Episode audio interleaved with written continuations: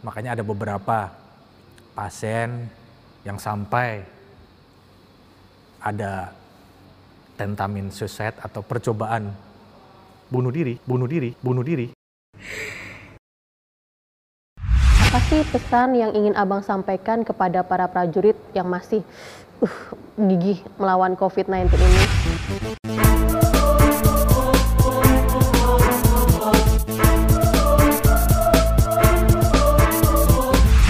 Tentara Rakyat, Tentara Pejuang, Tentara Nasional, Tentara Profesional. Salam Merah Putih. Welcome to podcast Puspen TNI. Sobat Puspen di mana pun Anda berada dan para prajurit TNI yang tengah melaksanakan tugas untuk menjaga negara kesatuan Republik Indonesia dalam masa pandemi COVID-19 ini jangan lupa tetap memperhatikan protokol kesehatannya. Sobat Puspen telah hadir bersama saya Letkol Kes Dr. Heru Wisnu M. SPAN MKes.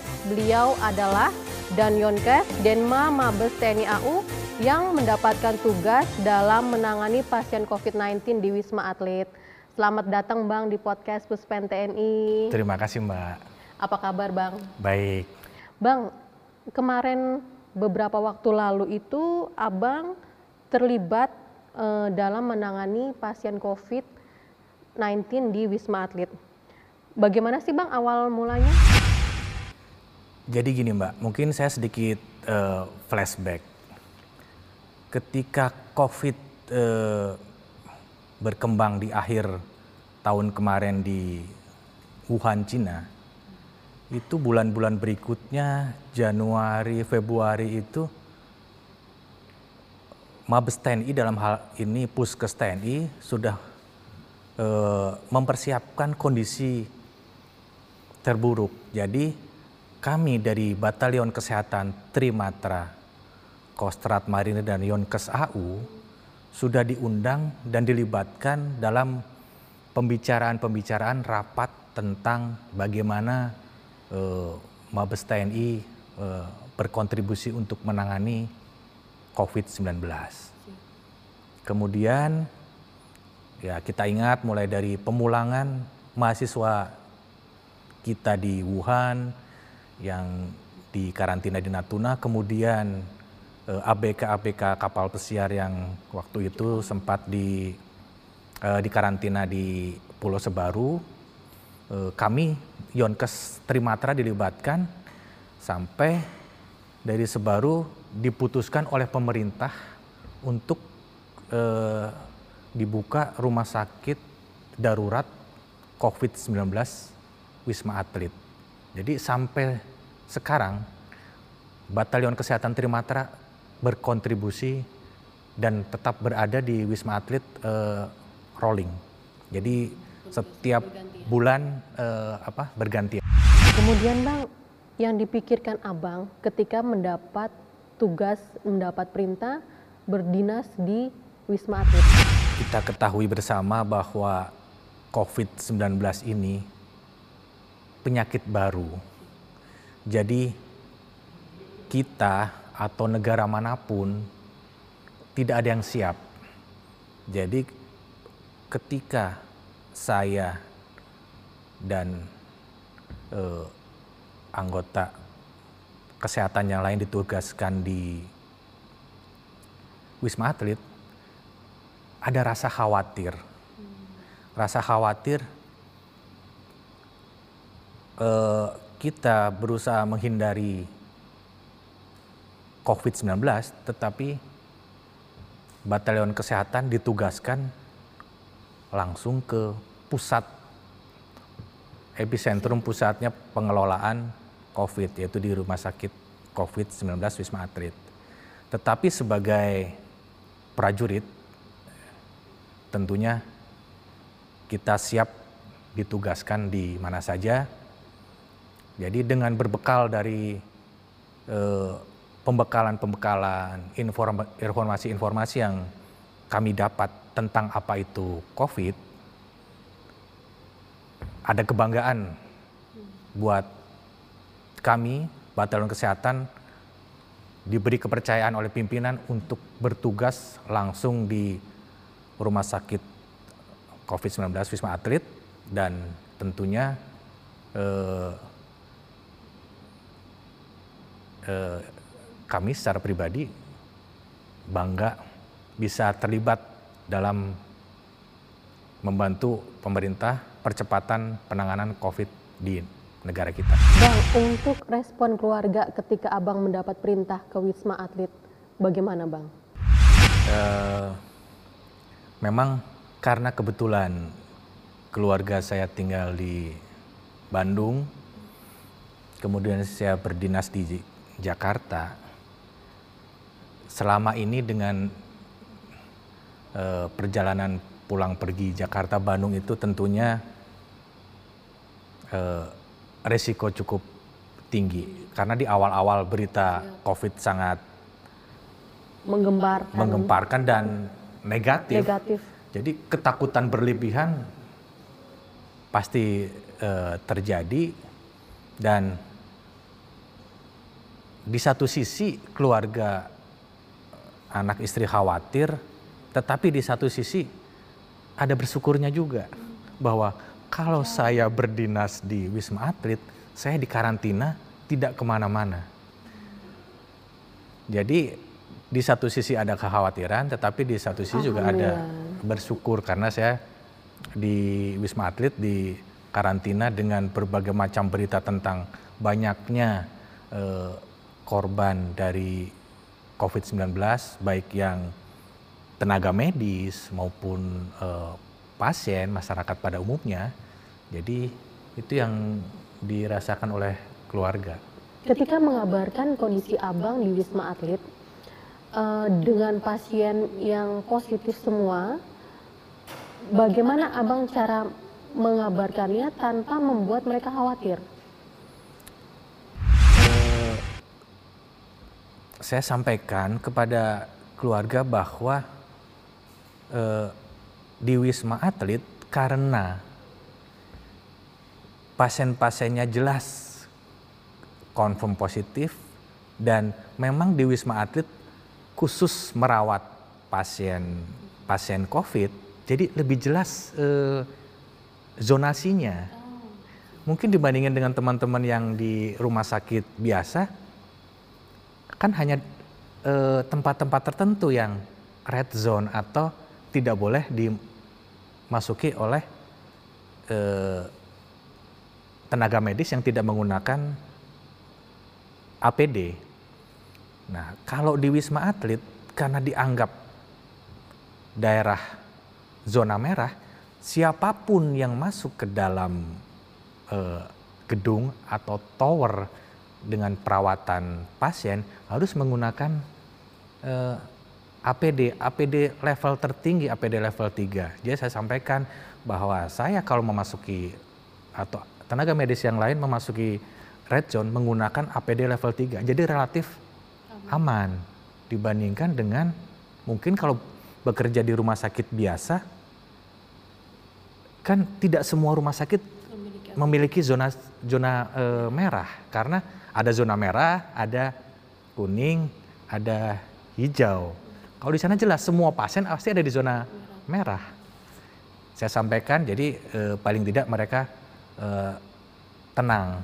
Di Wisma Atlet itu meskipun musuhnya tidak kelihatan tetapi pengamanannya pengamanannya dan ketat. zonasinya lebih jelas. Kemudian hmm, selama di Wisma Atlet untuk interaksi dengan keluarga bagaimana? E, interaksi dengan keluarga tidak terlalu bermasalah karena bisa menggunakan WA, kemudian video call dan ya telepon dan lain-lain bisa apa relatif tidak ada masalah. Tugas abang sebagai dokter TNI di Wisma Atlet itu apa aja ya bang? Karena kan banyak yang belum tahu mengetahui ini. Jadi Wisma Atlet ini adalah eh, rumah sakit darurat yang diawaki oleh eh, militer dan sipil.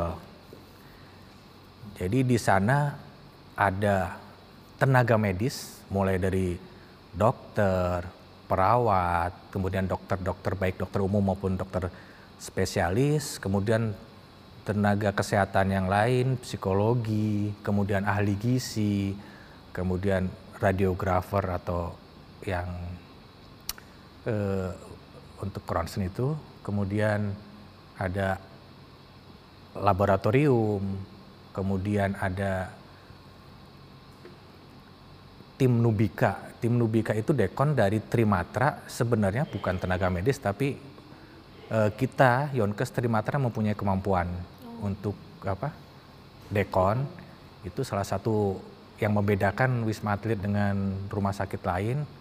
Kemudian tenaga-tenaga kesehatan dan non kesehatan eh, baik dari militer maupun sipil. Nah, memang eh, rumah sakit Wisma Atlet eh, dipimpin oleh Kapuskes TNI, tetapi untuk keseharian ada tim dari Kemkes yang eh, ikut eh, terlibat secara intens dalam uh, operasional di Wisma Atlet. Nah, dokternya memang yang dominan uh, dalam hal ini sesuai dengan penyakitnya itu dokter uh, spesialis paru. Nah, kebutuhan dokter spesialis paru dipenuhi baik sipil tapi terutama eh sipil dan militer, tapi terutama dari sipil yaitu Persatuan Dokter Paru Indonesia, kemudian dokter-dokter yang lain, spesialis penyakit dalam, spesialis jantung, spesialis anestesi, spesialis patologi klinik, radiologi, dan lain-lain, itu dari e, militer. Kemudian tenaga kesehatan lain, seperti perawat, banyak relawan-relawan yang direkrut oleh e, Kemkes Nah, keterlibatannya kita berkolaborasi antara dokter militer dan dokter sipil untuk menangani eh, pasien baik dari mulai masuk sampai nanti mereka dinyatakan sembuh atau boleh eh, kembali. Dalam menangani pasien, apa sih kendala yang paling sulit? Kendala yang paling sulit yang saya rasakan bahwa rumah sakit darurat Wisma Atlet menangani ribuan pasien dengan dinamika eh, COVID-19 yang sangat tinggi. Seperti kita ketahui bersama, revisi-revisi tentang protokol kesehatan, tentang cara penanganan COVID itu sampai sekarang terus berkembang. Terakhir sudah revisi yang kelima. Mungkin setelah revisi yang kelima akan ada revisi ke-6, ke-7 dan seterusnya. Jadi itu uh, kita harus bisa uh, menyesuaikan dengan perkembangan uh, terakhir dihubungkan dengan ya kondisi pasien yang relatif tetap banyak dan menangani mengelola pasien dari berbagai macam latar belakang dan kekhawatiran yang sampai ribuan itu sangat sangat eh, menantang dan membutuhkan kan ada, kesabaran. Kan ada pasien tuh yang uh, isolasi pengobatan selama 14 hari. Ada pasien yang bosan, ada pasien yang uh, keinginannya macam-macam.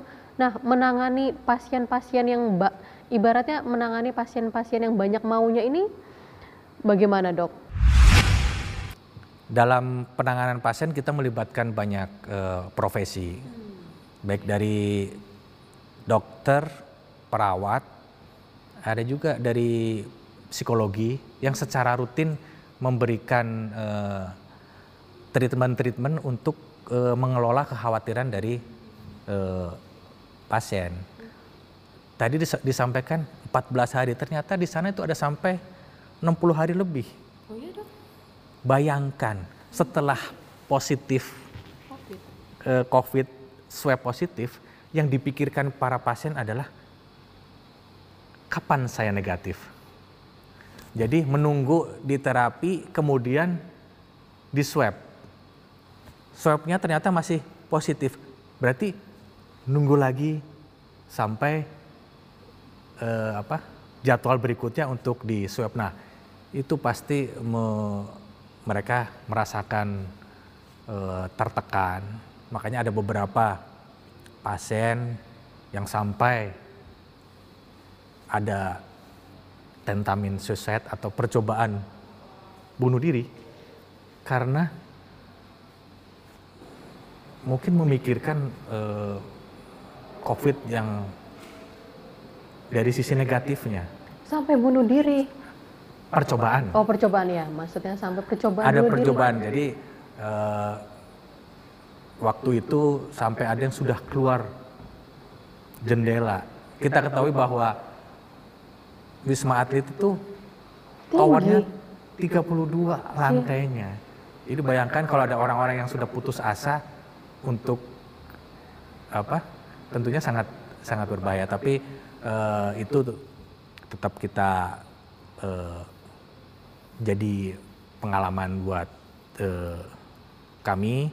Nah, setiap eh, hari pasti dicek masalah apa perkembangan pasien tersebut karena setiap lantai ada dokternya, ada perawatnya dan profesi-profesi lain ikut eh, terlibat sesuai dengan program dari mereka.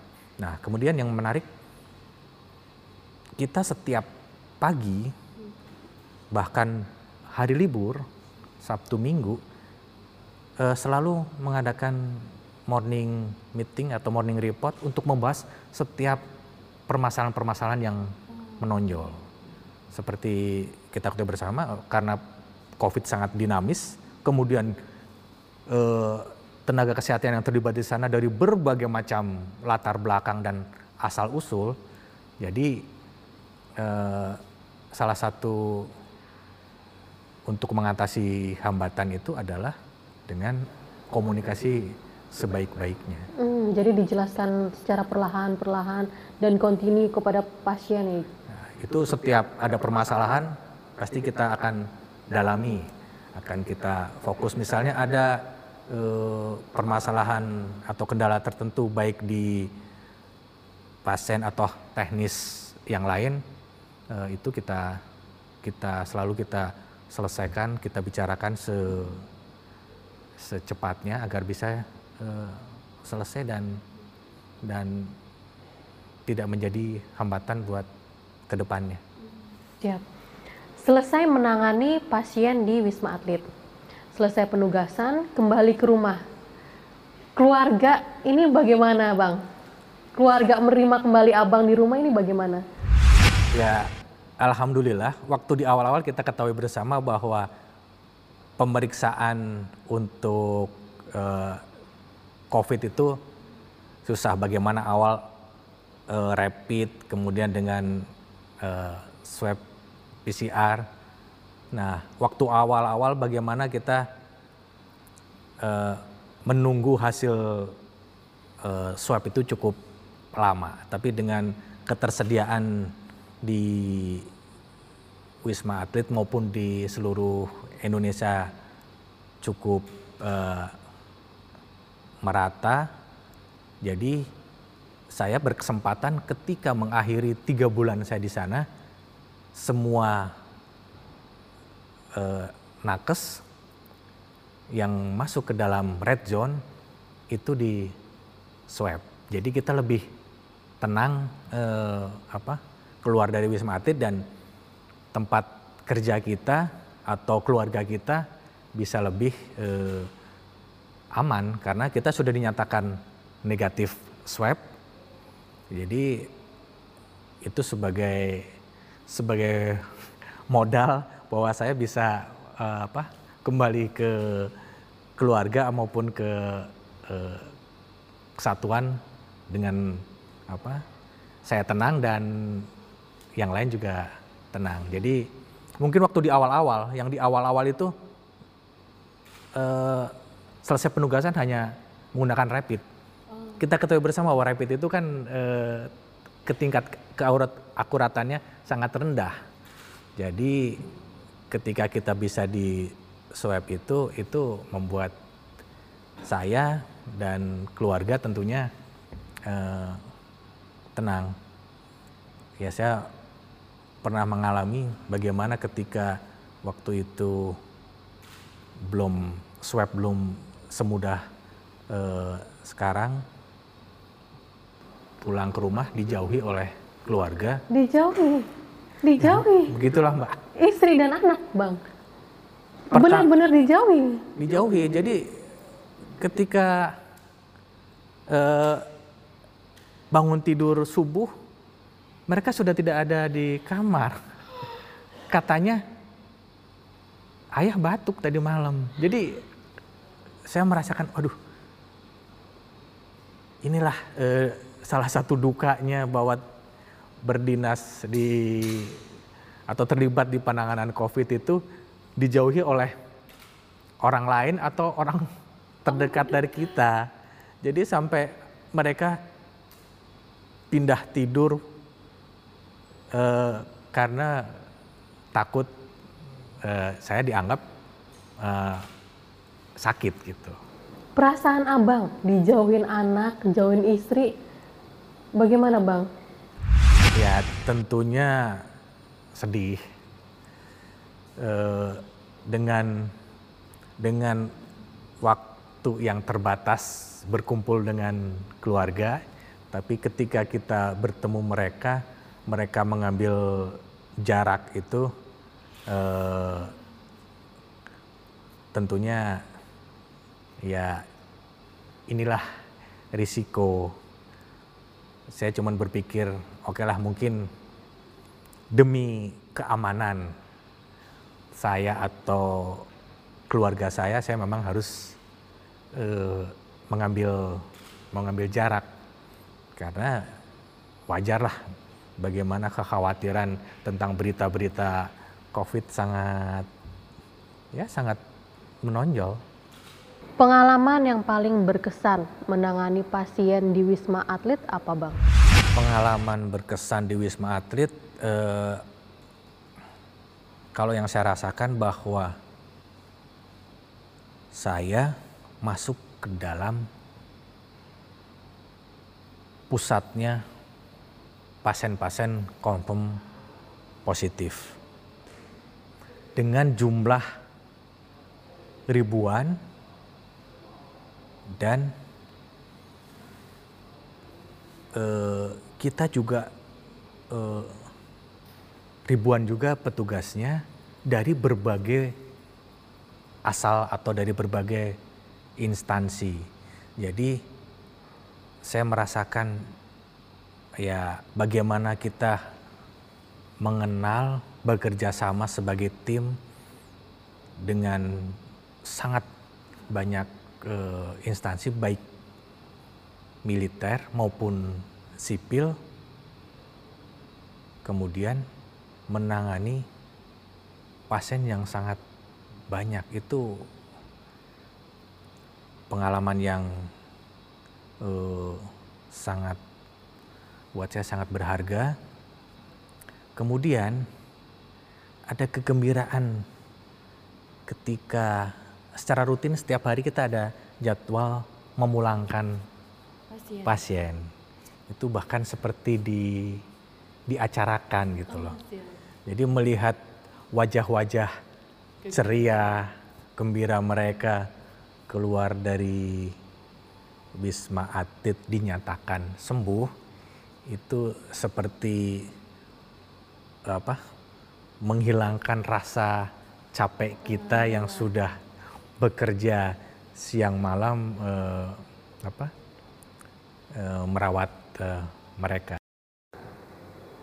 Kemudian saat ini kan new normal sudah diberlakukan oleh pemerintah. Apa himbauan Abang sebagai dokter kepada masyarakat agar terhindar dari COVID-19 ini? Pada kesempatan ini saya mengingatkan kepada semuanya jangan pernah lelah. Jangan pernah lelah karena kita tidak tahu sampai kapan wabah ini, pandemi ini akan berakhir.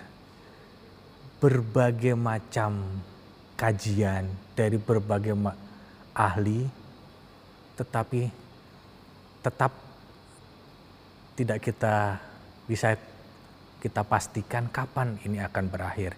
Jadi jangan pernah lelah untuk melaksanakan protokol kesehatan, menggunakan masker, mencuci tangan, menjaga jarak, menghindari kerumunan dan menjaga stamina agar tetap uh, imun kita tetap uh, terjaga. Bang, untuk tenaga kesehatan TNI yang saat ini masih berdinas di Wisma Atlet, apa sih pesan yang ingin Abang sampaikan kepada para prajurit yang masih uh, gigih melawan COVID-19 ini? Kepada rekan-rekan prajurit di Wisma Atlet, tetap semangat, jangan pernah merasa lelah, jaga kondisi dan kesehatan, dan mendekatkan diri kepada Allah Subhanahu wa taala agar kita semua bisa menghadapi masa-masa sulit ini. Terima kasih Bang atas kehadirannya di podcast Puspen TNI ini. Sama-sama Mbak. Semoga perbincangan hangat ini dapat menginspirasi masyarakat dan para prajurit untuk selalu menerapkan protokol kesehatan di masa pandemi COVID-19 ini Bang. Amin. Sekian dari kami, sampai ketemu di podcast selanjutnya. Jangan lupa untuk like dan subscribe yang ada di bawah ini untuk mendukung channel kami. Salam Merah Putih.